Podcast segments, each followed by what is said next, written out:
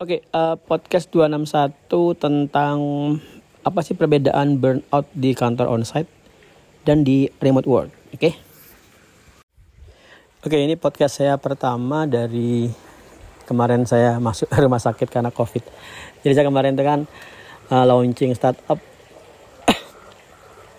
artopologi.com dan yang garap teman-teman RPID kita launching Jakarta pertama kali dari zaman setelah Covid ya dari 2019 akhir. Sekalinya ke sana kok malah kena Covid. Pulang lewat kereta sudah menggigil sampai sini. Isolasi mandiri tapi demam terus tinggi muntah dan semakin lemes.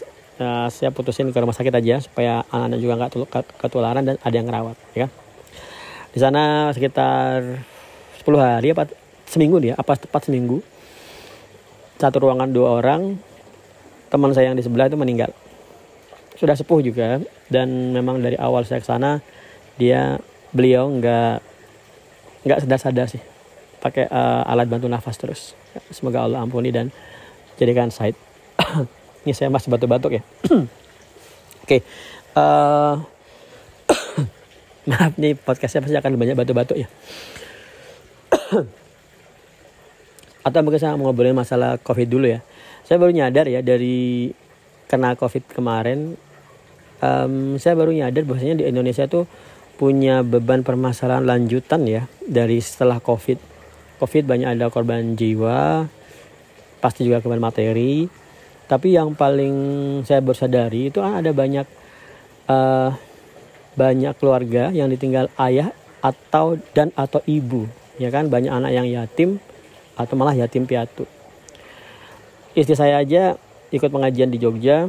Dari circle pertemanannya itu setidaknya sudah ada dua keluarga yang ditinggal ayahnya. Padahal anak-anaknya uh, cukup banyak. Itu baru dua ya, baru satu circle ya kan. Gimana kalau dihitung semua di Indonesia berapa ribu uh, rumah tangga yang nggak ada ayah dan ibunya berat sekali kan? Uh, saya belum bisa ngebayangin gimana caranya uh, eh, RWID bisa ngebantu. Tapi setidak-tidaknya ya kalau kalian dengerin ini nih dan kalian punya kalian bisa membiayai keluarga ayah atau ibunya salah satu yang masih ada untuk coba belajar remote work atau kalian ngajarin remote work. Setidak-tidaknya tentunya tapi tapi itu nggak semua ya nggak semua orang bisa diajari remote work.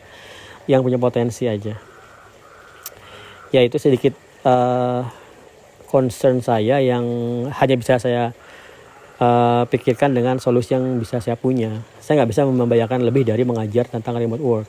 Kebayang sih mbak bangun kooperasi atau usaha yang lain ya, tapi itu masih di luar skop keahlian saya. Oke, itu dulu. Nah, ngobrol ya, ngobrol tentang remote work.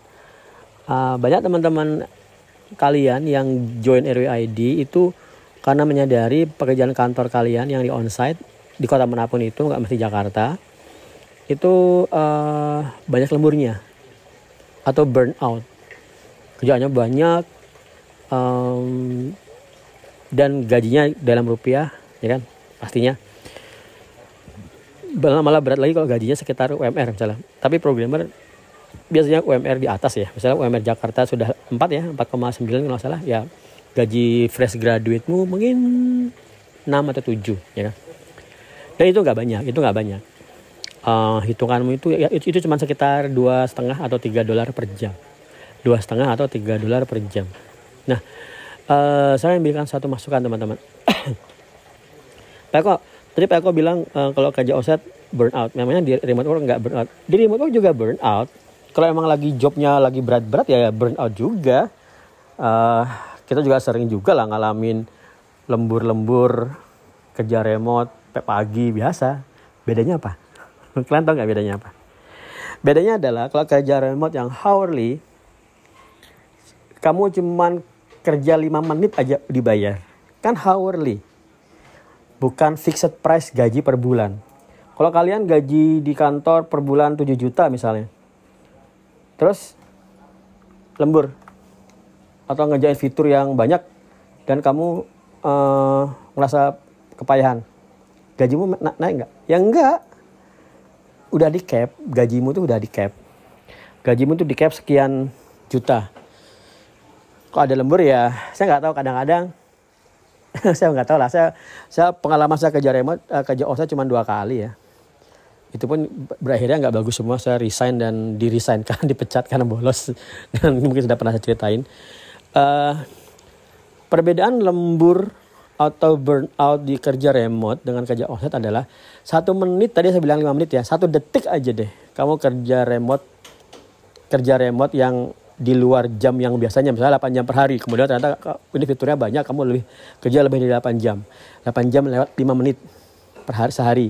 Ya 5 menit itu dibayar. Kenapa? Karena ada trackernya. Jadi auditing dari suatu uh, rasio effort dan reward itu satu banding satu. Maksudnya gini, kamu effortnya satu effortmu 100 poin misalnya. Maka gajimu juga 100 poin dikali satu poin itu berapa rupiah per poin gitu kan. Kalau kerja onsite gimana? Relasi antara effort dan reward rewardnya stabil. effortnya naik turun. gimana kalau effortnya naik terus? Itu biasa. Kenapa? Karena gajinya fixed price. Jadi kalian harus pahami kerjaan-kerjaan yang di on di kerjaan onsite itu gajinya pukul rata apa pun kesibukannya. Kerjaan-kerjaan yang di remote work sebenarnya enggak juga ya. Kerjaan remote itu juga ada yang dipukul rata. Tapi dipukul rata gede. Misalnya saya kerja di misalnya Kanada, gaji saya berapa langsung? Awal-awal udah langsung 25 apa 27. Nyaman banget kan disuruh lembur-lembur ya senang-senang aja. Cuman di situ saat itu ya Nani satu ini saya, saya seperti ini, ada rule. Kalau kalian rule seperti ini. Kalian kerja 8 jam per hari dengan gaji sekian. Jika jika pekerjaan membutuhkan kerja lebih dari 8 jam per hari, maka gaji kalian tetap. Sebenarnya sama aja kayak kerjaan lokal. Cuman perbedaannya adalah gaji awal udah langsung gede, udah langsung 27 juta ya, udah senang-senang aja ya kan. Cuman pada akhirnya ya kita nggak akan pernah mau kerja lebih dari 8 jam per hari. Ngapain? Udah nggak dibayar. Itu kalau kantor remote-nya menggaji kalian secara fixed price per bulan. Tapi kalau kantor kalian itu gaji kalian per jam, maka seru banget. Atau sebenarnya kantor yang membayar gaji full itu full time ya, biasanya nggak pernah pakai hourly sih. Dia menggaji kalian sama aja seperti kantor lokal, sekian juta, sekian dolar per bulan. Terus ya udah, berapapun kalian kerja, banyak atau sedikit, gajimu segitu. Biasanya seperti itu sama. Tambah sekali lagi, starting salarinya udah nggak kekejar sama kerjaan yang lokal. Uh, satu lagi yang saya sampaikan teman-teman ya, saya minta maaf kalau yang saya ceritakan ini um, anu, anu banget seperti mimpi ya, seperti mimpi. Iya. Dan saya minta maaf kalau yang saya sampaikan ini ngebuat kalian langsung terburu-buru gabung untuk kemudian merasa yakin pasti bisa berhasil. Tidak semua orang bisa berhasil menembus remote work. Saya ulang, tidak semua orang bisa berhasil menembus remote work. Terakhir, tidak semua orang bisa berhasil menembus remote work. Terus kamu pikir kalau gitu buat apa saya join RWA di Peko? Nah ini jawabannya adalah setidak-tidaknya kamu sudah mencoba belajar ke sesuatu yang lebih baik dari posisimu yang sekarang. Dan kalian bisa melihat sukses story teman-teman yang berhasil menembus remote work dengan latar belakang yang berbeda-beda dan cari yang punya potensi keahlian yang mirip denganmu. Misalnya dia UX, desain, digital marketing dan segala macam kan itu contohnya banyak. Ada yang dari expert dari nol dari nol banget loh ya, nggak ngerti IT itu ada berhasil. Tapi syaratnya itu nggak mudah. Pak aku nol IT, ada yang nol IT juga berhasil, aku pasti bisa. Ya nggak juga. Kok gitu Pak kok? Gimana kalau kamu tidak bisa konsisten belajar? Atau passionmu di semangatmu di awal, tapi begitu kamu join langsung lemas. Ya kan? Ini adalah permasalahan mendasar yang sedang terus saya pecahkan solusinya seperti apa. Yang bisa saya bayang, yang bisa terus menerus saya kerjakan adalah setiap seminggu sekali di hari Minggu kamu akan saya ajak ikut Zoom bareng-bareng dengan saya. Saya push habis-habisan. Itu cara saya. Karena saya nggak bisa mendatangi kalian satu persatu dan saya tempel yang belajarnya kan nggak mungkin kan. Maka saya bisa memberikan materi Zoom tatap muka, ada pertanyaan tanya. Itu yang bisa saya lakukan. Saya adalah instruktur remote work, Python, dan juga saya adalah mentor kalian. Saya adalah coach kalian. Mentor itu adalah beda dengan guru ya. Saya guru Python iya, tapi saya bukan mentor Python beda. Eh, saya, saya guru Python dan mentor remote work. Guru adalah menuang, menuangkan semua ilmunya ke murid, tapi mentor adalah melihat potensi kalian dan saya push kalian agar kalian mencapai sesuatu yang saya sebenarnya belum bisa mencapai itu atau saya tidak mencapai itu karena saya sudah punya jalur yang lain. Contohnya apa? Contohnya Mas Iqbal. Mas Iqbal founder tim Up Studio, dia sudah mencapai sesuatu yang saya belum bisa capai di usia usia dia saat itu. Usia saya saat itu. Saya Mas Iqbal itu masih di Batu 30, udah punya perusahaan, punya banyak staff, saya yakin dia akan mencapai miliaran per bulan, insya Allah. Kenapa?